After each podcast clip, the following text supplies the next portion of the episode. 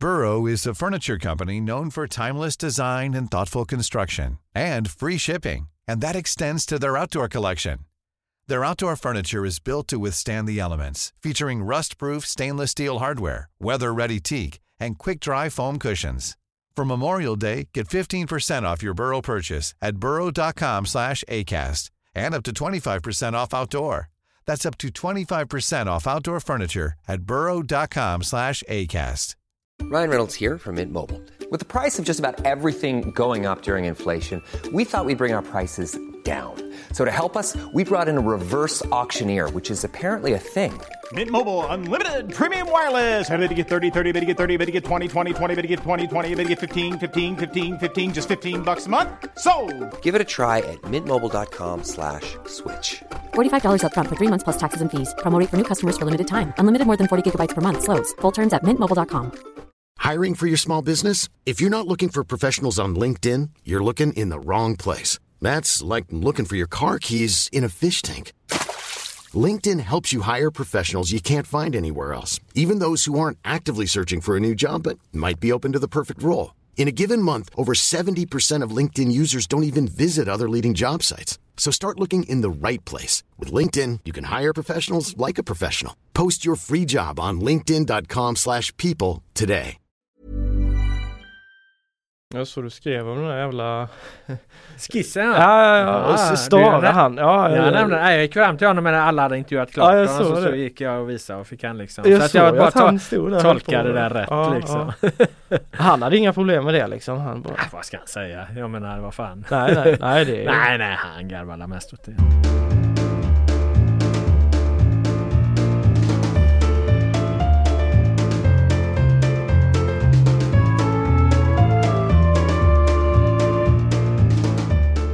Hej och välkomna till GPs fotbollspodd som ännu så länge saknar ett namn, men där vi fokuserar på fotboll i allmänhet och fotbollen i väst i synnerhet.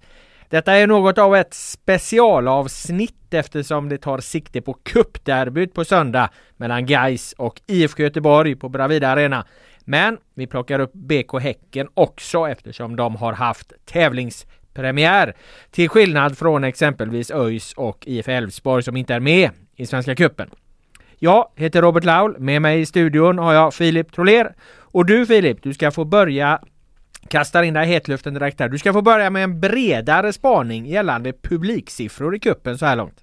Ja det ska jag göra och den här gången är jag med på att, att jag har en spaning. Jag brukar ju sitta och sova lite i början men ja, du gjorde det en gång i Ja, alla fall. Men eh, Men- du är förlåten och Ja. får en ny chans. Det är härligt att höra. Nej men eh, när, så här, när man såg kupplottningen som blev för, för våra Göteborgslag då undantaget Häcken men Blåvitt, Gais och Utsikten så tänkte man ju att helvete vilken temperatur det kommer vara runt det här cupgruppspelet och det, det kommer vara eh, taggat och laddat på, på alla fronter. Eh, men och, och gällande Gais Blåvitt så är det ju slutsålt sedan länge och det, det, det var ju hets runt det såklart.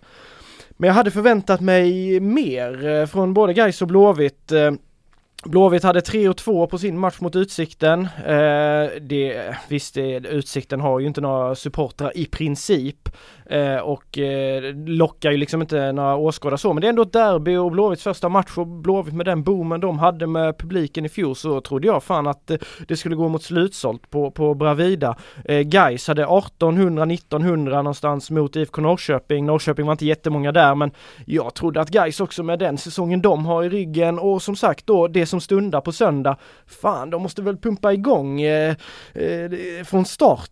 Men det, nej så jag Det kan hade... ju ställas mot Häcken som mot J Södra då hade 1400 tror jag det var på Ja, Bravida där. ja, Häcken brukar ja. inte vara något stort publiklag men då är de eh, nästan uppe på gais nivå Ja där. men precis, så där, så där hade jag, för guys hade jag hoppats på, visst det kom lite regn och sådär och det var lite kallt men vad fan det var ändå, det blev en ganska schysst kväll där och i vanlig ordning både på Blåvitt och, och guys match sen ska man ju säga att eh, de gör ju ett jättefint jobb, de som är där skapar jättehärlig stämning, bra tryck eh, på båda matcherna men ah, aj, jag, fan jag söker efter var är de här sittplats, det är ju framförallt sittplats liksom, kom, kom dit, eh, gå på matcherna och med tanke på vad vi har framför oss så trodde jag att det skulle vara mycket mer, eh, mycket mer taggat. Och så tittar man då upp på Stockholm, Hammarby, vad hade de sålt? 22 000 till sin cuppremiär. Gnaget var 14 000 eller 13 000 någonstans där tror jag på Tele2.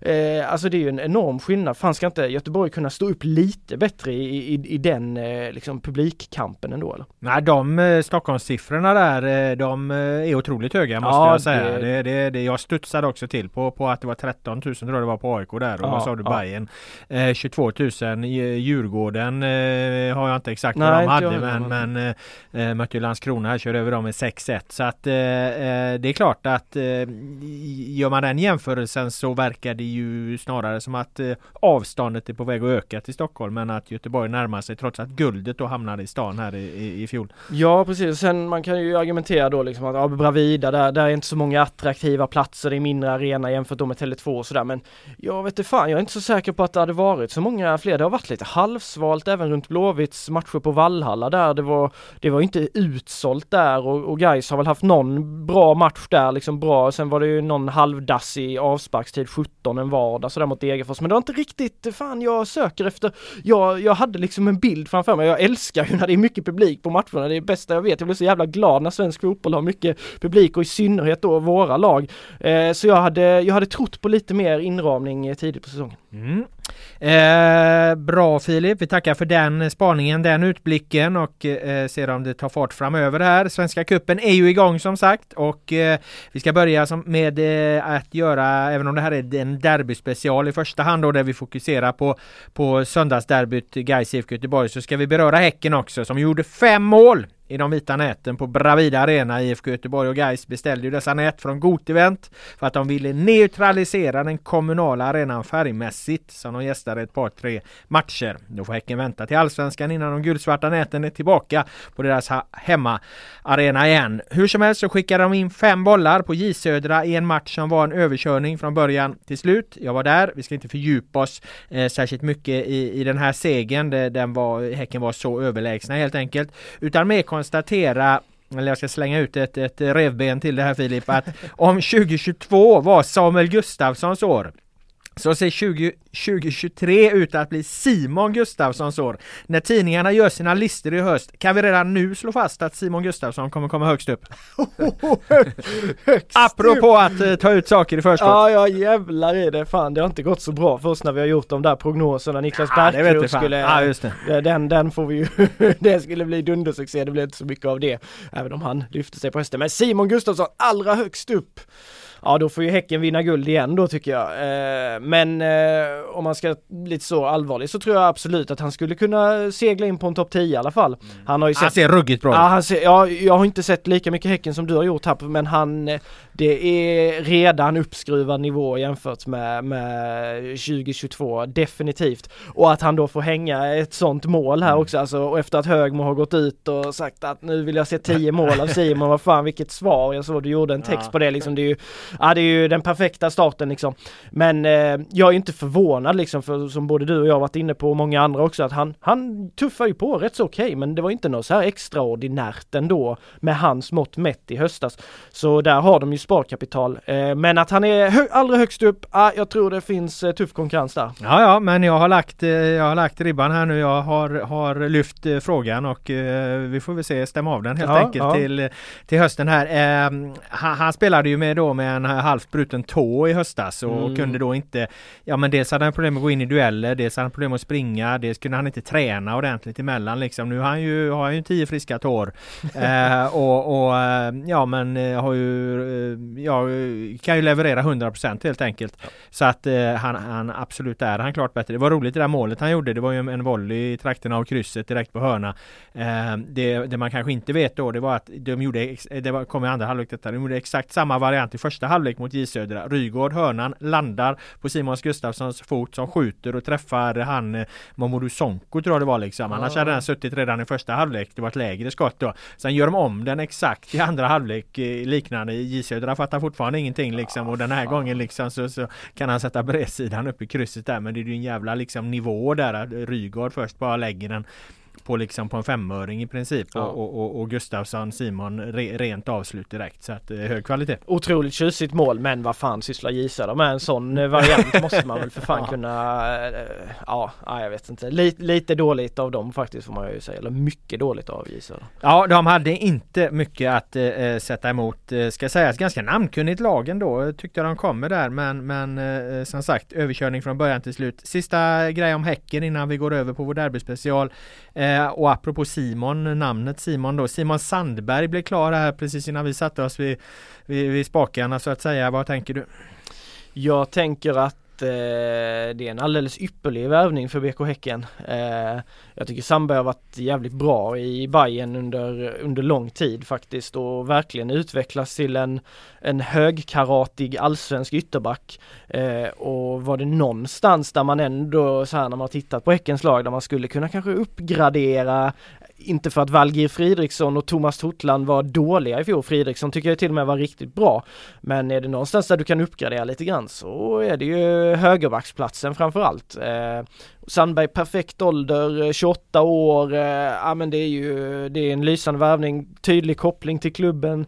Var ju, var ju där och fixade cupguld eh, 2016 tror jag, slog in avgörande straffen. Så, så det finns ju liksom en koppling där och jag hörde något att Häckensupportrarna hade sjungit om honom och, och, och cupframgångar redan mot J Södra där. Så de fick ju som de ville att Sandberg tillbaka så nej, spontant så tror jag det är en alldeles lysande värvning faktiskt. Ja, ja, ja, det var Ja. stora ord där. Helt rätt att de, de eh, nyheten, eller ryktet kom ju ut eh, mitt under matchen i princip Ja, i paus. Så, Ja, så att då, då, eller om det var strax innan. Så att det var ju väl anledning till att, att eh, klacken då snabbt eh, fångade det här då på, på, på volley likt Simon Gustafsson. så, så drog de en sång där om honom. Eh, jag tycker att han har varit, var, var lite, jag följde ju, jag såg ju Hammarby mycket de här åren när han var där eh, 19 eh, och, och, och 20 framförallt då.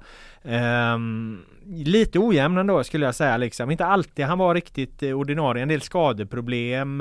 Eh, så, och sett till hur Valgeir Fridriksson har, har varit så, så kan det nog bli lite konkurrensen då. Ja, där. Thomas Tortland eh, däremot tror jag det här, jag undrar om det inte innebär att, att hans dagar börjar bli räknade där. För de har provat honom, han har fått chansen. Han fick chansen i, i, i träningsmatcherna och nu när det var tävlingsmatch, ja då var han borta ur startelvan Mm. och så startade Fridriksson. Så att det, det känns som att eh, eh, Tortland eh, har blivit eh, något av en floppvärvning. De betalar rätt mycket pengar för honom vill jag minnas också. Väldigt mycket Eh, Ja, pengar det var uppåt 5 miljoner då för en, för en, eh, för en högerback där som, som ju inte, ja, som ju fick sina chanser ändå i fjol får man ju säga och har fått en del chanser här nu och utan att ha tagit dem. Jag tyckte inte att han var bra i det, det jag såg honom, av honom i, i Marbella-lägret i år. Så att eh, eh, så sett är väl tanken bra. Sen tänker jag lite eh, Simon Sandberg kan väl också, skulle väl i princip eh, kunna användas lite som mittback också om, om det skulle behövas liksom. Han, han, han kan väl spela där också så, så att det, det blir en, en, en, en, en mångsidig spelare ur det perspektivet. Ja absolut och han är ju, han är ju spelskicklig och sådär. Jag håller ju med om att det är lite kanske det att den jämna nivån är väl det man kan anmärka på Sandberg men jag tycker han har haft väldigt hög höjd och kanske inte i fjol men, men det har varit säsonger tidigare i Bayern där jag, jag blev ännu mer imponerad av honom. Eh, så om han kan nå, nå dit där så, så håller jag fast vid min åsikt där liksom. Jag tror att det är en jättebra värvning men Totland eh, också lite om man tar hela det här gänget som kom in, Hovland, Rygård och, och, och de eh, så var ju Totland var ju nästan den som var mest så här, alltså, hypad och den man fan han, han satsar de verkligen på här, kommer få en grym offensiv, duktig högerback och sen blev det, nej det blev ju ingenting av det och eh, som du säger, han har ju faktiskt fått chansen också men Fridriksson var ju bättre än honom i, i fjol. jag tror han lånas ut nu, Totland. Ja det, här kan väl säkert bli så. det. De har ju Ja. kört den där Tobias Heinz grejen kommer det, Ja. är ju känslan att det skulle kunna bli. Eh, sen är det ju Fridriksson då gör ju att han eh, kanske också mer kommer utmana Kristoffer Lund, eh, kunna mer tydligt utmana Lund också som det har ryktats lite om sådär. Så man vet ju inte, det kan ju finnas ytterligare några, några mm, bitar i pusslet här med, med den här värvningen. Det, det får vi väl se men eh, som sagt eh, bra, bra för konkurrenssituationen och jag tycker ändå att Simon Sandberg är också en spetsig värvning. Ja, jag håller med. Det är en bra värvning. Eh, häcken ser som sagt oförskämt bra ut så här tidigt. Härnäst väntar ju FC Trollhättan ettan i Svenska Cupen, tränas av eh, Mark Lind och han gästar faktiskt podden senare i veckan i vårt ordinarie avsnitt. Nu blir det nämligen Eh, fullt derbyfokus. Guys IFK Göteborg för första gången sedan den avbrutna matchen 2019 eh, där Guys vann via skrivbordet med välförtjänta 3-0. Och vi ska börja med en protokolldiskussion. är det här fortfarande en stor match och varför? Ge mig dina bästa argument Filip.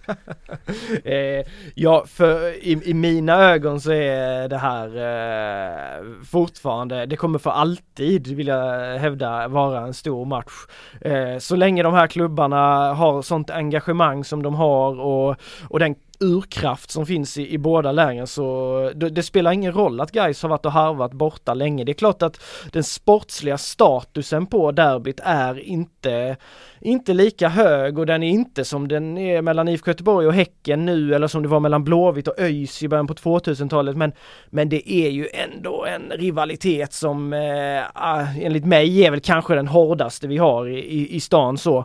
Eh, men det är väl framförallt egentligen då vid sidan av som det fortfarande är så här man känner att det, det, det glöder sportsligt. Har ju Gais som sagt haft en jättetuff tid, lång tid, eh, ända sedan 2012, sedan de åkte ur allsvenskan så, så har det ju, det har ju, de har ju varit borta från högsta serien. Blåvitt har ju inte gjort några, visst de hade några bra år där runt 13, 14, 15 men sen har inte de heller liksom varit något, det lok som, som de har potential, potential att kunna vara i svensk fotboll på allra högsta nivå. Eh, så ja, sportsligt har det väl mattats men rivaliteten mellan dem, nej, glödhet eh, och, och, och jag, jag, ser så mycket fram emot den här matchen. Men går du igång på den på riktigt? Känner du ja, alltså jävla fan. vilken match liksom? Nej men alltså in, inte kanske att, åh jag förväntar mig att det ska bli en eh, sprakande tillställning på planen. Men jag tycker att det finns så mycket intressant ändå och jag, och, och jag älskar ju liksom det här som jag sa då med publik fullsatt och de har inte mötts eh, på, på fyra år och det var jävligt tråkigt att det blev som det blev då. Nu får vi en ny chans här och det skapar ju också ytterligare puls tycker jag, att de inte har mötts på så jävla länge. Eh, så det, ja, jag är fortfarande dundertaggad, eh, dundertaggad på det här och jag är så spänd också på allt hur guys ska stå sig mot ett Blåvitt som inte riktigt har eh, ångat igång än eh, så. Mm. Eh, jag går inte riktigt igång på den på samma sätt då, alltså jag, jag känner ju till historien givetvis och, och eh, fan jag gick på, på Blåvitt och guys på, på 80-talet och eh, typ liksom och jag, jag var ju inte där på 70-talet men, men jag känner ju till liksom de här enorma publikmatcherna mm. som var, var på 70-talet eh, precis när jag typ var nyfödd så att, eh, och som farsan pratade om och så, så att jag förstår ju nostalgin och, och, och kan historien men Alltså jag tänker lite så här, guys har precis kommit upp från division 1. De spelar i superettan. Vad omsätter de? Ja, de omsätter en tiondel av IFK Göteborg, eller i alla fall en femtedel. De ligger inte i samma serie. Det finns liksom inga aktuella dueller på planen direkt att prata om. Eh, om IFK Göteborg inte underpresterar så totalt så kan ju inte Gais vinna den här matchen eller de ska inte kunna göra det. Det är liksom ingen sportslig kraftmätning på något sätt jämfört med om Blåvitt skulle möta Häcken eller om Blåvitt skulle möta Elfsborg till och med som är, är på någon slags jämnstark nivå ekonomiskt och, och sportsligt. Eh, de lagen slåss ju med liknande förutsättningar. Eh, dessutom är ju, har ju Gais nu som det har blivit, de är ju inte ens en huvudkonkurrent i den här kuppgruppen där Blåvitt och Norrköping vunnit sina första matcher. Eh, så, så, att jag, jag, jag är ledsen, alltså jag tycker mest att den här matchen verkar engagera personer som inte har något bättre för sig än att stå och skrika hata guys. och sen, sen Gaisarna då? Ja, absolut. Det är klart, där finns ju en drivkraft att visa att motivation slår klass. Men alla fattar ju att guys kan inte bli genuint besvikna på samma sätt om de förlorar eftersom det är ju ojämnt blandade lag på förhand jämfört med den potentiella förlustbesvikelsen i båda läger när ÖIS och Gais möts som ju ligger på en liknande nivå. Eller när Häcken möter Blåvitt eller Blåvitt möter Elfsborg. Så nej, jag, jag skulle säga att jag går igång till 35% på den här matchen. Fy fan vad lamt. vad har du att invända mot mina argument där? Det är blytunga argument jag levererar. Ja, ja, ja, blytung. Jo men alltså det jag redan har sagt att rivalitet, rivalitet den, den, dör inte och vi har ju sett, jag trodde du kunde lära det här, vi har sett IFK Göteborg ha problem med utsikten. Vi har sett Gais vara Alltså det var en hårsmån ifrån att de eh, fick ett kryss med sig mot Norrköping. Jag håller med om att temperaturen på matchen hade skruvats upp ytterligare ett hack om vi säger att Gais hade lyckats slå Norrköping Norrköping och Blåvitt hade då, som de gjorde, vunnit mot Utsikten, då hade det ju verkligen varit maxat liksom. Men nej, Blåvitt för dem, det, det kan allt kan hända i kuppen och det är klart att för dem betyder ju att när de då väl ställs mot Gais, det är klart de ska tysta till det som de tycker är lillebror. Att vad fan släppa fram dem, att de kommer upp här och, och spelar en match och de har inte mötts på länge och att Gais skulle vinna den. Säg att de inte möts på fem år igen, då är det ju Gais som har vunnit den senaste matchen. Eh, och för Gais så är det ju alltid det här liksom att de slår underläge mot stora mäktiga IFK Göteborg. Eh, så för, nej, nej, nej, nej, du, här, nej, Nej, nej. Du, du tycker jag är snett ute? Ja, jag tycker du, här tycker jag du är snett ute. Även ja. om jag köper att det hade kunnat vara ännu hetare men eh, Eh, för mig är det, jag tycker det är snarare en extra liksom kittlande att de inte har mötts på ett tag, att de inte har mötts ofta och att man ändå kan, eh, ja då blir det ännu mer, betyder ännu mer nästan. Ja. Ja, jag, jag, genuint, jag ska inte dra alla mina argument igen och jag hör vad du säger, men genuint går jag, går jag på Blåvitt Häcken eller går jag på Blåvitt Elfsborg så, så har jag en högre puls när jag går dit. Mm. För jag känner att här, här, här, här ser jag fram emot en, liksom en större sportslig urladdning som betyder mer för mig. Så att eh, ja, jag har svårare att gå gång på det. Men, men jag, ja, nej men jag, jag, tror också att du kanske underskattar guys lite grann. Mm -hmm. Det kan eh, vara så. Alltså, kan vara så. Jag följer ju inte Superettan och framförallt inte division 1 på samma sätt som du gör. nej, nej men de har ju sett otroligt fina ut och de hade ändå förhållandevis lätt städat dem av utsikten på ett sätt. Det var i och för sig en träningsmatch. Men nästan så att de hade mer kontroll på matchen mot Utsikten än vad jag tycker Blåvitt hade mot Utsikten. Och guys har liksom Eh, visst, Norrköping, det, det blev en förlust. Det är den första på ett halvår sedan de mött division 1 mot sånt. Men de har ett jävla självförtroende i det laget och ta sådana gubbar som Mervan och, och Niklas Andersén, de här, de kommer ju liksom gå in i döden för att vinna den här matchen. Eh, så eh, nej, jag tror, jag tror det kommer bli sportsligt jämnare än vad man kanske tror på förhand. Mm. Eh, bra, för det leder oss in på, eh, på eh, eh, nästa del i den här podden då, för jag tänkte att vi ska, vi ska ge respektive fans en liten guide här till, till lagen. För att jag menar om du följer IFK Göteborg då har du kanske inte så jättemycket koll eh, på guys just av den anledningen att de ligger i olika serier. Och följer du guys så kanske du inte har jättekoll på, på IFK Göteborg då. Så att eh, eh, vad kan man förvänta sig av de här lagen? Vad ska man se upp med? Vad går att utnyttja? Eh, vi börjar med guys, sen kör vi IFK Göteborg. Så att nu ställer jag frågorna till dig här Filip. Eh, vad skulle du säga vad vill du, vad, vad vill du berätta för IFK Göteborg-fansen om vad Gais är för ett lag 2023?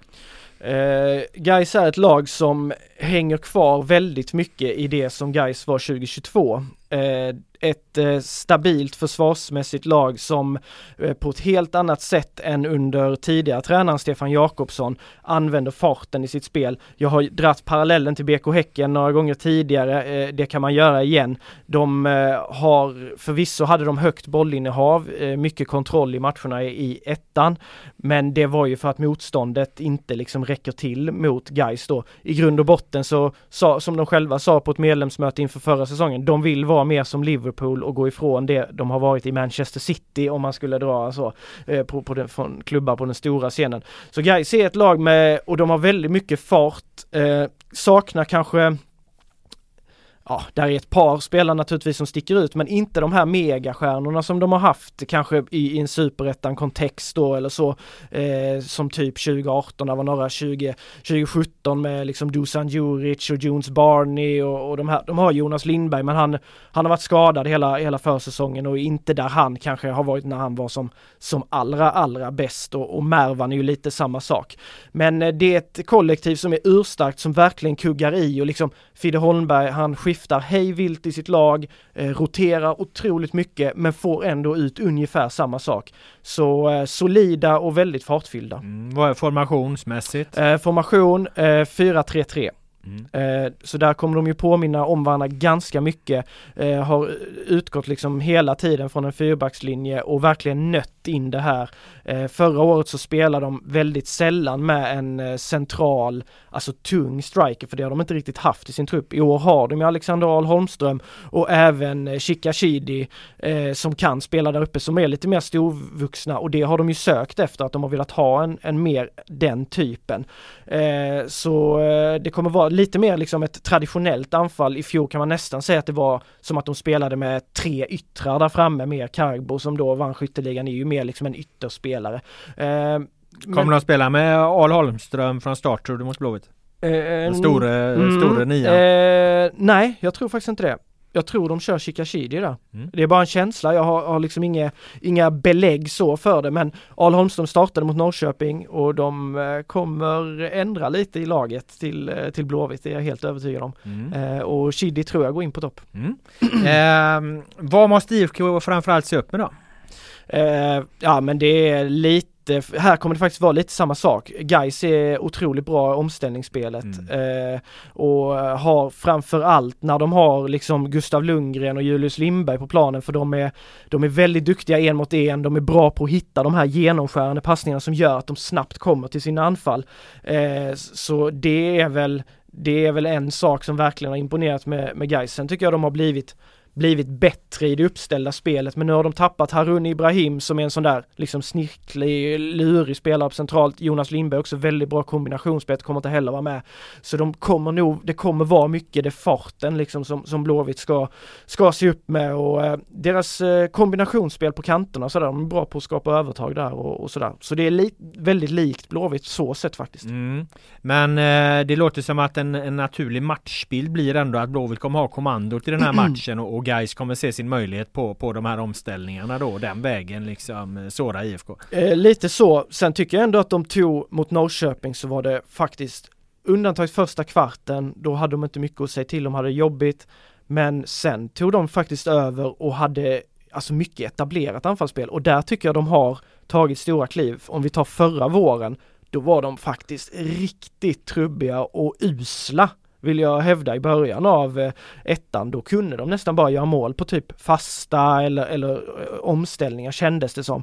Eh, det spelet, liksom kombinationer, etablerat anfallsspel, det fick ett jäkla lyft från sommaren och framåt, Ljungskile borta. Alltså jag kommer aldrig glömma den anfallsinsatsen, de, det, det spelmässigt de presterade i den första halvleken där, det har jag hyllat många gånger förut, jag hyllar det igen, det var, då satt det verkligen där, då hade de både fart men ändå ett etablerat anfallsspel. Jag tror guys kommer stå upp lite bättre i bollinnehavet även om jag tror det gynnar dem att släppa bollen lite mer till Blåvitt. Mm. Eh, IFK Norrköping här, du refererar lite till den matchen. Eh, ett väldigt, eh, väldigt mycket sidospår men eh, lite känsla av att eh, Norrköping kan få en, en jobbig säsong. Eh, Jag kopplar ihop det med deras ekonomiska läge också. Att det, det brukar förr eller senare eh, ramla ner på hur det ser ut på planen.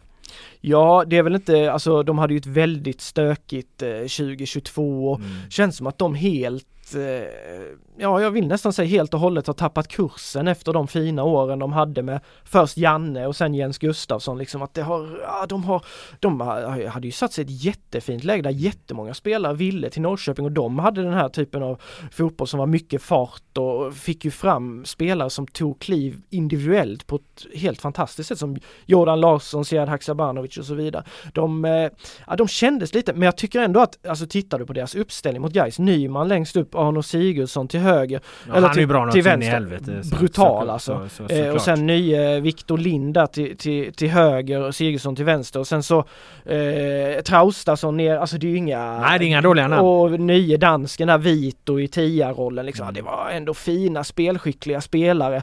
Eh, och de mötte ju faktiskt Viborg som Blåvitt mötte Mm. nere i, i Torrevieja och stod ju upp betydligt bättre mot danskarna än vad Blåvitt gjorde. Mm. Men att de inte gör mer då eh, än ett mål mot Gais, eh, lägger, vad lägger vi, vems konto lägger vi det på? Var det det i Norrköpings oförmåga eller Gais som gjorde en stark defensiv insats? Eh, jag, jag tycker att Geis gjorde en eh, stark defensiv insats och eh, Fidde Holmberg sa ju efter matchen till, till Glenn där, Norrköpings tränare, att han tyckte att Norrköping, för han har ju suttit och tittat på Norrköpings matcher tidigare, han sa att det här var ju er bästa match för året. Norrköping var ju mer tempostarka. Nu har inte jag sett mycket av, av Norrköping, men jag såg lite bitar av, av Viborg-matchen faktiskt. Eh, och de var, jag tycker ändå att de gör en helt okej insats. Eh, men jag tycker Geis gör en jävla bra eh, defensiv insats. De hade lite problem med distansskott. Eh, Norrköping fick komma till mycket distansskott. De var lite svårt att komma upp i den pressen när de blev låga liksom. Eh, men annars hade de ganska bra kontroll på det och i, i boxspel och sådär. Axel Norén gjorde en jättematch. Unge, vad är han, 17-årige Anes Kadaklia som nu har fått kliva in efter Emin Gostanic när Abbas Mohammad tavla, tabbade bort sig så, så har, har de här unga killarna i Gais fått chansen istället och Kadaklia gjorde också en, en jättefin match, jättestark i boxen på huvudet och sådär så nej, de, eh, de imponerade defensivt. Mm. Eh, det var ett eh, långt och möjligen lite spretigt svar ja. eftersom jag kom in med lite följdfrågor där på vad IFK måste se upp med i Gais. Det leder oss dock in på nästa fråga. Vad kan IFK utnyttja? Och där nämnde du ju faktiskt någonting som Norrköping då hade fått lite utrymme för och det var ju de här distansskotten då. Där mm. har vi ju mm. sett att, att, att IFKs nyförvärv Elias Hagen har varit ganska farlig. Han hade en boll i underkanten av, av ribban mot utsikten och petade in en re retur där så att om de lämnar för mycket utrymme för, för distansskott där så kommer, kommer, kommer de få jobbet med Elias Hagen. Ja det kommer de få. Hagen som vi, eh, han skojade själv när jag satt i intervju med honom och fan jag har inte gjort, eh, han berättade att han hade varit anfallare när han var ung men det, det kan nog ingen jävel tro om mig sa han liksom för, för jag har inte gjort mål på flera år. Han har inte gjort något mål i tippeligan eller elitserien eller vad den heter. Han har väl gjort något i kuppen och sådär men nu i Blåvitt, mål mot eh, Tromsö, eh, mål här igår mot eh, Utsikten och eh, nära på att göra ytterligare. Så han har, varit, han har tagit för sig mer och mer i det, i det där avslutet. Han, det känns som att han har bestämt sig för att här ska det skjutas mer och det tycker jag faktiskt hela Blåvitt har lite, lite mer eh, liksom simpelt men ändå våga skjuta liksom. Ja eh. efter noll avslut i genrepet mot Viberg där så är han tvungna att skjuta. Ja, ja just det borde ju Stara ha sagt för helvete liksom. Ja men så där är ju, där är ju absolut, absolut eh, en, en del i det. Och sen eh, ska man väl också att lite högre press om, om Blåvitt kan komma liksom och bita i i den höga pressen så har väl Axel Norén och Kadaklia inte riktigt de fötterna som kanske Johan Bångsbo, eller definitivt inte de fötterna som Johan Bångsbo har, men där är det ganska stor skillnad. Jag tror Blåvitt skulle kunna få rätt mycket utdelning om de pressar guys eh, ganska högt och det är samma med ytterbackarna lite. De är lite, de hamnar lite i tidsnöd då. Mm, så att eh, Suleiman Abdullahi får jobba med, med pressen då. Får upp då kan jag säga för det tycker jag har varit eh, Ja, vi kan gå in mer på det ja, sen. Men det, var, ja, men det har varit lite lamt i just den grenen från Ja, eh, något mer IFK eller är du nöjd där? Är det, det, det, det du känner att Blåvitt kan utnyttja? Distansskotten, eh, pressspel, höga pressspelet på Gais backlinje. Det är de, de bitarna. Ja men det tycker jag för mm. som sagt mycket inlägg och så som Blåvitt gillar att komma. Där tyckte jag Gais agerade liksom klanderfritt mot, mm. eh, mot Norrköping. Och de är starka i alltså duellspel och sådär. Eh, med, nu mönstrar de Jocke Åberg, Filip Gustafsson, Viktor Alexandersson. Eh, de, de var duktiga på att stå upp bra i kampen där. Jocke Åberg gjorde en helt fantastisk insats. Åberg som har haft jättemycket skadeproblem sedan han kom till Gais. Han har varit i Gais tre år och egentligen inte fått ut så mycket. Hans ins alltså han, för mig var han fan med bäst på plan mot Norrköping och eh, han skulle nog ha fått Jakob Ortmark utvisad också. Han kom ju med en vansinnig satsning på honom så det var brand, brandgult det, det kortet men Åberg där framförallt han, har han blivit mycket starkare så så han är ju en sån som är otroligt skicklig på liksom ta sig ur när man blir satt i hög press om vi säger att backlinjen har, eh, har mycket problem. Så det är väl också en nyckel för Blåvitt om de vill stoppa guys så, så behöver de stoppa Åberg faktiskt för han, han ser jävligt fin ut. Mm. Eh, vi har en fråga kvar kring guys aktuella frågor men vi avvaktar lite med den och tar de här mer, mer sportsliga, sportsliga matchtekniska frågorna kring IFK Göteborg först. Och eh, där tänkte jag svara, du får jättegärna komma med eh, inspel här på, mm. på mina utläggningar. Men samma fråga eh, kring IFK Göteborg då. Vad är IFK för lag 2023? Och då skulle jag säga att Blåvitt 2023 eh, försöker vara en uppgraderad version av det de var 2022. I grund och botten är det ju då ett starkt kollektivt kollektiv byggt bakifrån med bra bredd, bra konkurrens på de defensiva positionerna samt på det centrala eh, innermittfältet. De har bra fart och ett snabbt omställningsspel. Men det hade de i fjol också. 2023 försöker de addera ett större bollinnehav till detta. Dels via den här då 4-2-3-1 formationen nu för året med tydliga rollspelare där de dessutom då, då får in tre centrala mittfältare. Eh, dels via bättre ytterbackar som dock mest har varit skadade hittills. Tänker på Sebastian Olsson och Anders Tronsen då. Eh, en väldigt konkret anledning till att IFK vill öka just bollinnehavet, varför de ser det som ett förbättringsområde. Det är för att skapa ett större, ett bättre hemmaplanstryck och ta fler hemmapoäng än 2022. Då tog de ju bara 24 av eh, 45 poäng. Eh, så där, där finns ju klart, eh, det finns ju klar eh, förbättringspotential på att ta fler hemmapoäng då. Eh, men här och nu, för så långt har de inte riktigt kommit i det, i det här arbetet än skulle jag säga, eh, så är de lite som du var inne på uh, kring Geist, de är ju ett omställningslag på många sätt. Det de gör uh, väldigt bra är ju när de ställer om snabbt. Där har de uh, stundtals visat upp en hög fart. att de inte har kommit så långt med den andra delen då får ju, kan ju tillskrivas att eh, de saknar ju då en hundraprocentig Marcus Berg. Han verkar ju ha en, en bit kvar till de hundra procenten. Eh, Suleiman Abdullahi som vi nämnde tidigare, tidigare, han var ju var betydligt bättre än han var i höstas. Men eh, Just nu känns han i alla fall inte som någon nia som skrämmer jättemånga allsvenska försvar, inte hittills i alla fall. Eh, något du vill tillägga där kring IFK Göteborg?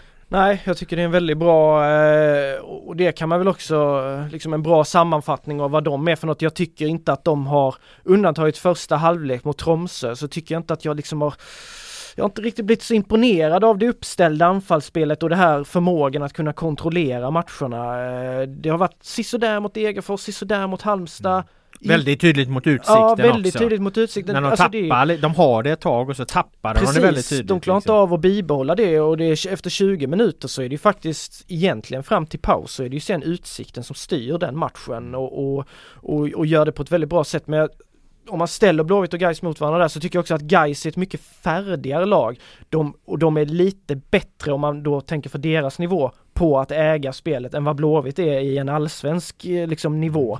Eh, så, så, om man säger att Häcken är världsklass, nej men suverän klass liksom så, på, på, på att vara en hybrid på något sätt, mm. så har Gais kommit ganska långt i sitt sätt att vara en hybrid. Blåvitt är fortfarande ganska i, i, i början. Och Gais har ju heller faktiskt inte tagit in särskilt många nya spelare kontra Blåvitt då som ändå bygger om sin ryggrad på många sätt. Eh, så, så där är väl också några grejer som kanske ändå talar för att Gais möjligheter ändå kanske borde vara lite lite större än vad man bara tänker när man ser vilka serietillhörigheter det är för de båda. Mm. Eh, med allt det sagt eh, så finns det ju saker som guys måste se upp med givetvis då, eh, vilket är nästa fråga här då, vad måste guys se upp med? Och då skulle jag framförallt säga högerkanten. Eh, alldeles oavsett om Emil Salomonsson kommer spela högerback eller om Sebastian Olsson kommer spela högerback eh, så är de väldigt vassa på sin högerkant. Det fungerade riktigt bra mot Utsikten när Emma Markovic var tillbaka eh, och eh, efter sin lilla skada här eh, ser klart vassare, mer explosiv ut än han gjorde eh, i fjol. Eh, Blåvitt vill ju väldigt gärna överbelasta åt vänster, eh, vända kant och sen går det väldigt fort då när det stormas fram eh, till höger. Eh, Emil Salomonsson har, har gjort det bra när Sebastian Olsson är frisk så, så kommer han för, förmodligen ta platsen där. Då blir de nog ännu bättre på sin högerkant. Eh, just att de har liksom så löpstarka spelare till, till höger och eh, eh, hittills har haft Oskar Wendt till vänster som inte är löpstark på samma sätt gör ju att de kan göra just precis så här. De kan liksom överbelasta åt vänster sen vända eh, kant snabbt och då är det tomt på högerkanten och då slår de till där. Eh, gjorde ju två mål mot Utsikten på det sättet. Eh, jag hittar ju dessutom en en skiss i, ett, i omklädningsrummet i Torrevieja när du satt och skrev Filip. Så jag var inne och snokade i omklädningsrummet. Jag skrev om den här skissen i, i tidningen här i veckan. Eh, och, och, det är väldigt tydligt att det, det, är precis så de vill göra också. De vill liksom locka över lagen åt vänster, vända spel, eh, eh, tomma ytor, komma med fart, två mot en läge, in med bollen, fylla på med folk, in med den i mål. Ungefär exakt som Hussein Kanei gjorde sitt andra mål då mot, mot Utsikten. Och det kan jag ändå tycka är lite imponerande när man ser att, att ja, okej, okay, här har vi ritningen och så här vill vi göra och sen ser man också att de lyckas göra det. Förvisso lyckades de inte alls med det mot, mot Viborg men då hade de heller inte e- Eman Markovic eh, eh, på planen då som ju faktiskt visade, tycker jag, redan mot utsikten här att, att, att högerkanten nog kommer att vara eh, hans. Eh, en annan grej Gais behöver se upp med, vi har berört det också, Elias Hagen, han har gjort två mål i, i, hittills i träningsmatcher och cupmatch då. Han är ruskigt skicklig när han får stora ytor, eh, vilket han ju fick mot, eh, eh mot utsikten eh, emellanåt. Han är klart mer begränsad när det blir trångt, när han sätts under press. Eh, tips till Gais där är ju då att eh, låt Gustav Svensson ha bollen. Ja, det låter som ett klokt råd faktiskt. Gurra är bra på mycket men och kanske får oförtjänt mycket skit ibland för hur, hur dålig han är med boll. Jag tycker han är rätt okej okay, men han är ju klart mycket sämre än Elias Hagen. Mm. Eh, att tillägga i övrigt tycker jag ändå Hussein Kanel eh, som jag Visst, han tappar bollen till 1 målet där mot Utsikten, spelar ibland med lite små marginaler, men individuell spelare så, så är det ju Eh, han är ju den som kan ge guys magsår verkligen. Annars delar jag helt och hållet högerkanten, de ångar på, de har en jäkla löpstyrka där. De kommer ställas mot en guys vänsterkant som inte är lika samspelt som deras högerkant med Gustav Lundgren och August Wengberg som spelade jättemycket tillsammans i fjol. På vänsterkanten är nu Harun Ibrahim, spelar mycket till vänster i fjol. Ben Morris var framför honom oftast, ibland Julius Lindberg, ibland Mervan. Eh, Niklas Andersén spelar ibland vänsterback, så de har alternerat mycket där. Och det ska bli intressant nu om det blir Eggson Binaku som startade mot Norrköping eller om det blir Niklas Andersén som är en så här riktig jävla derbyspelare som ska gå in och stänga den där hö högerkanten för Blåvitt. Jag tror att det blir Andersén. Mm. Och sen Mervan framför, en Mervan som man tänker, ah fan ska han kunna ta defensivt ansvar? Men Mervan ser, eh, jag hörde det från Gais Mervan är mer fit än någonsin så jag tror han kommer vara beredd på det jobbet men helt klart Blåvitts högerkant igår och Markovic specifikt Eh, fan för att inte ha spelat en enda liksom minut under första säsongen, varit skadad stora delar. Jag tyckte han såg riktigt bra ut faktiskt. Värderade också mycket bättre än vad han gjorde i fjol. Jag tyckte han blev tveksam ofta när han hade bollen sådär liksom, men nu kändes han mycket mer självklar och det kanske har mycket att göra med att han och liksom Salmonsson pumpar ju där med löpning av Sebastian Olsson är också den typen av spelare. Det underlättar nog mycket för Markovic. Mm, eh, och det hörde jag faktiskt redan när jag var uppe och gjorde mitt reportage i början av året där så, så, så pratade, för då hade de ju tränat en, en månad i december. Redan då pratades det en hel del om att, att Markovic eh, eh kommer nog att eh, överraska många mm. under 2023. Att han, att de hade sett liksom embryon eller tendenser då till, till att, att han skulle bli, bli väldigt bra. Sen försvann han ju då. Han fick, fick han någon skada mitt i allt det här. Eh, så, så då såg man inte så mycket av honom men, men uppenbarligen så låg det någonting i det utifrån insatsen mot, eh, mot Utsikten då. Ehm, tredje fråga här då, vad kan Geis utnyttja i IFK Göteborg? Uh, och uh, utöver alla saker vi, vi uh, redan har nämnt här så skulle jag säga de fasta situationerna. Blåvitt var svagare mot Utsikten. Det var något av det första Micke Stare, tränare Stare, tryckte på när han kom ut och, och mötte medierna efteråt. Att, att de inte hade varit tillräckligt starka på fasta. Det är ett uttalat förbättringsområde berättade Lee Baxter då, målvaktstränaren som har ansvar för det här när jag, när jag tog ut honom och intervjuade honom. Eh, och det kanske inte är så konstigt, det är lite rörigt eh, i IFK Göteborg. Vem ska spela mittback? Det är två nya mittbackar. Jag tänker på Hausner och Adam Kalén. Kalén som inte har spelat så mycket mittback. Eh, vi vet inte riktigt vem som ska starta bredvid Johan Bångsbo. Oavsett vem det blir så blir det ett nytt eh, mittbackspar. Mittbackar viktiga på fasta situationer. Så det är mycket nytt att få ihop där. Och det är ju en sån sak som kan synas en del på fasta situationer för där, där, det är, där är man beroende av att ha klara tydliga roller. Alla ska veta vad de ska göra och det ska, det ska fungera liksom. Så det är väl kanske inte så konstigt att i början av en säsong med mycket nytt så hackar det där lite grann. Lik förbannat blir det ju något som guys skulle kunna utnyttja. Ja, jag, jag tycker faktiskt Blåvitts försvar eh, mot Tromsö var de väldigt solida men jag tycker det har varit virrigt överlag. Eh, guys har väl inte, nu har jag inte sett alla guys matcher under försäsongen men det är ju inte så att de har varit eh, suveräna på, på, på fasta liksom sådär. Eh, utsikten däremot blev jag jävligt impad av. De hade många olika liksom idéer och varianter och skapade ju faktiskt mycket. Målet kom till där och som du sa och... och ja framförallt var du den i första halvlek där när, när eh, nu såg jag inte vem Utsikt var. Ja men eh, för, för först så screenar ju en Utsikten spelare bort ja. Emil Salomonsson som står i, i framför Mukibi. Ja. Och så screenas han bort och då blir han helt själv och så landar ju hörnan exakt på honom och så nickar han och så räddar ju Dahlberg. Men det blir en situation på returen och det är den eh, situationen som Dahlberg skadas ja. för övrigt. Liksom. Ja, och sen det. håller de på att göra en lik, nästan likadan igen men då och då nickar Mukibi igen men då fastnade bollen på, på någon framför så då blir det inte så farligt. Men, men ja, precis som du säger.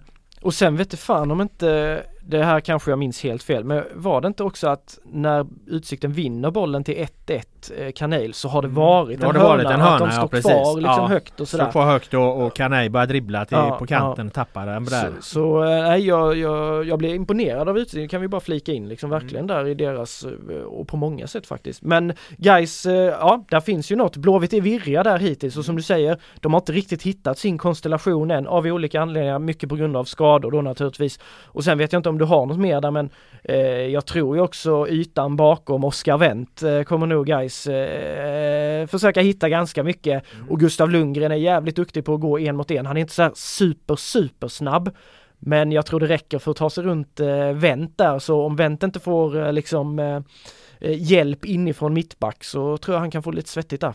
Mm. Eh, fick vi en grej till då som eh, kan utnyttja bra. Det var den, eh, den taktiska spelmässiga guidningen där. Eh, vi har två frågor kvar kring, kring de här lagen och det är eh, lite mer vilka aktuella frågor som dominerar kring dem. Och vi kan ju börja med Guys då för där, där eh, händer ju saker i detta nu i princip. Ja i princip. Eh, nu spelar vi in tisdag här, eh, måndag under Blåvitt-matchen där eh, lite eller strax efter så fick eh, info liksom att Harun Ibrahim, eh, vinterns stora följetong i Göteborgsfotbollen, han har varit jagad av allt och alla. Att eh, uppgifter eh, om att han är klar då för norska mästarna Molde. Det har ju varit ett budkrig där med AIK och vi har ju uppgifter som säger att även Hammarby var inne och försökte liksom, eller var intresserade men mötte aldrig Gais krav i slutändan utan och Harun själv ville till Molde. Men han har liksom gjort sin sista match i Gais. Denna fantastiska fotbollsspelare som, som jag måste säga att han är. Det ska bli väldigt spännande att följa honom i Molde men han är ju ute nu liksom även om han inte spelar mot Norrköping. Han satt på läktaren då med tanke på att det var långt gångna förhandlingar. Eh, så är han ändå borta. Fjolårets eh, kanske enligt mig bästa spelare Axel Henriksson. Han har inte gjort en sekund än.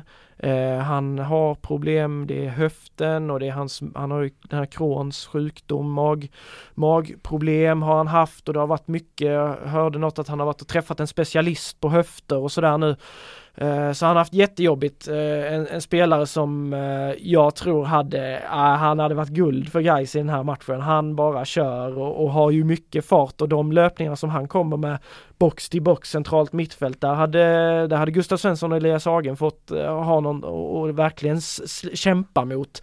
Så han, han grämer sig nog jävligt mycket över att han inte är med i den här matchen. Och sen då liksom den mest spelskickliga de har, Jonas Lindberg, han kommer också vara ute. Han har inte heller spelat utan ja, han har nog problem med typ hela kroppen. Det är nog lite, lite så Marcus Berg, han, fan det är lång, lång tjänst han har gjort här nu och det börjar väl eh, lite eh, tackla av kanske men, men även om han tyckte själv att det kändes bra. Men det är ju tre jättetapp liksom, även om Harun får vi på ett sätt, han är ju, han är ju borta, han är ju inte deras spelare längre men, men det, är, det är jättetapp och det är väl en, eh, det, det som snackas mycket om tillsammans med att vi nog förväntar oss att det blir eh, ganska mycket rotation jämfört med Norrköpingsmatchen. Mm. Eh, intressant med Harun Ibrahim där som ju anses vara en av, en av de eh, största talangerna vi har här just nu ja. i allsvensk, eh, allsvensk och superettan kontext och vi vet att Häcken har väl varit där absolut, och, och, och nosat. AIK har lagt bud och en av Sveriges absolut största klubbar. Kalmar har lagt bud. Ja, och vad händer? Jo, då går han liksom till nor norska mästarna eh, Molde. Mm som eh, har sålt spelare till Premier League här, enskilda spelare för 120-130 miljoner. Vi vet att det är enorma övergångssummor. Norska spelare. Eh, tidigare var det de största danska klubbarna som tog eh, de bästa spelarna härifrån Sverige. Nu är det en norsk klubb som kommer och tar de största spelarna så att, att de svenska, stor, svenska storklubbarna kan inte klara det mot, mot en norsk storklubb då. Det, det säger också någonting i det här som vi har varit inne på att, att att, att vi börjar tappa mark mot Norge på riktigt liksom. Det här är ju ett ganska tydligt tecken på det. Ja, ja det är det verkligen. Det, det är ju ett statement liksom. Ja. Från, från Samtidigt så är jag eh, jag är förvånad, alltså Blåvitt har ju också scoutat Harun hela hösten och som Häcken Häcken har väl i och för sig ganska fullt nu på sina platser och sådär Men att inte fler, för grejen är det vi än så länge vet det är att han någonstans går för mellan 2 och 3 miljoner kronor. Och det är ju ändå, alltså AIK och Hammarby, vad fan, det är ju inga pengar för dem med tanke på vad de har gjort för försäljningar. Så jag är lite förvånad över att de inte liksom matchar hårdare för Harun, får han, får han förtroende och tid på sig så skulle jag inte bli förvånad om eh, Molde säljer honom ut vidare i Europa någonstans för en ja, 30-40 mil i alla fall. Ja, de har ju ett uttalat mål om att spela Champions League eh, i, i, i, år, år här ja, alltså. Jag ja. menar, och det kan man ju ha. Det kan man väl kanske säga att Häcken har ett mål om att gå ut i Europa och så. Men alltså eh, på ett helt annat sätt så räknar Molde med att de har liksom en ekonomi som gör att de, de, de värvar ihop en, ett lag helt enkelt mm. för, för, att ta sig in där. Och mm. gör de inte det kommer bli jävla ekonomiskt bakslag eh, för dem. Så att de går stenhårt eh, för Champions League och skulle Harun Ibrahim gå in där och spela Champions League-matcher och göra det bra Då stannar det inte vid några 30-40 miljoner. Nej, Då har nej. de gjort en jävla affär, eh, ska gudarna veta. Ja, ja och, det, och vi har ju också sett att det kan ju gå så sjukt. Det finns ju exempel i Ayamuso som vi har suttit här och pratat om liksom. Han spelar superettan, då tänkte man så här, men det är lång väg. Han gjorde jättebra, en suverän superettanback. Men det, ja, det är lång väg liksom. Harun liksom lekte ju i vissa matcher i ettan i fjol. Då tänker man, ja det är ettan. Han har ju visat ändå tendenser de få superettan-matcherna han gjorde. Nu ska han till, till Molde. Sk- Skulle han göra bra där? Ja, helt plötsligt så kommer han ju vara i snacket. U21-landslaget, börjar man synas där, då är det ytterligare klubbar som tittar. Och gör han det då bra, som du säger, i Champions League-kval eller Champions League, ja, vad fan, då, då, då kan det springa iväg. Så jag, jag, jag vet ju att guys har varit angelägna om att få in en vidareförsäljningsklausul och det, det tror jag att de har fått också, så, så den kan ju bli guld värd. i- Den skulle kunna bli väldigt mycket guld Mm, värd för, mm. för, för guys om, om det går som alla hoppas här då. Eh, bra, det var de aktuella frågorna eh, kring Gais, och en liten eh, en utläggning eh, kring Harun Ibrahim. Vilka aktuella frågor dominerar kring IFK Göteborg? Ja, det är väl skadan på målvakten Pontus Dahlberg i första eh, hand då. Han stukade ju foten mot Utsikten och klev av där efter att han hade försökt spela vidare. Eh, det har väl när vi sitter här inte kommit några eh, klara besked eh, kring den här foten. Eh, men den skulle ju teoretiskt kunna hålla borta honom från både Gais-matchen och Norrköping egentligen. Men det är knappast någon fara för, för allsvenskan. Så lång tid tar det inte att ta sig tillbaka från en stukad fot. Men en, två veckor skulle det kunna göra ifall det är en allvarlig stukning. Och det verkade ju vara ganska allvarligt i och med att han, han byter då. Eh, så det är den ena grejen. Sen är, det ju då den här offensiva fyran då som jag har skrivit en hel del om, som vi har pratat mycket om. Klubbdirektören Håkan Mild har ju pratat om att det ska in en offensiv pjäs till, eh, att de ska värva ytterligare en spelare helt enkelt. Eh, det senaste som är sagt om det, det är väl att det ska in en ytter. Men jag vet inte fan, jag hade nog helst tagit in en riktigt bra nummer 10 alltså. Jag, jag har ju min käpphäst där att jag inte riktigt tror på kanajen då i, i, i långa loppet. Och Får man in en eh, riktigt bra tia, ja då kan man flytta ut eh, Kanei och köra honom på en vänsterkant och så löser man eh, pusslet den vägen. Då kan man också ha Kanei som kliver in från vänster och skjuter och så har man eh, Markovic på den andra och, och Norlin som kan spela på båda kanterna som en backup på bänken och sitter man en riktigt bra tia så har man egentligen löst allting. För jag tänker att ta in en, en, en nia till, ja då måste, måste man göra bedömningen att Marcus Berg kommer inte komma tillbaka för att Tror man att Berg kan Berg komma upp till 100% då har man Berg, då har man, då har man eh, Linus Karlstrand, då har man eh, eh, Sule, eh, Suleiman Abdullahi här. Alltså, man kan inte ha ytterligare en nia där med, med, med de tre som ändå liksom eh, Ja det är ju en bra allsvensk eh, besättning helt enkelt på en, en nummer nio position om man ska då kunna spela sin talang Karlstrand någonting.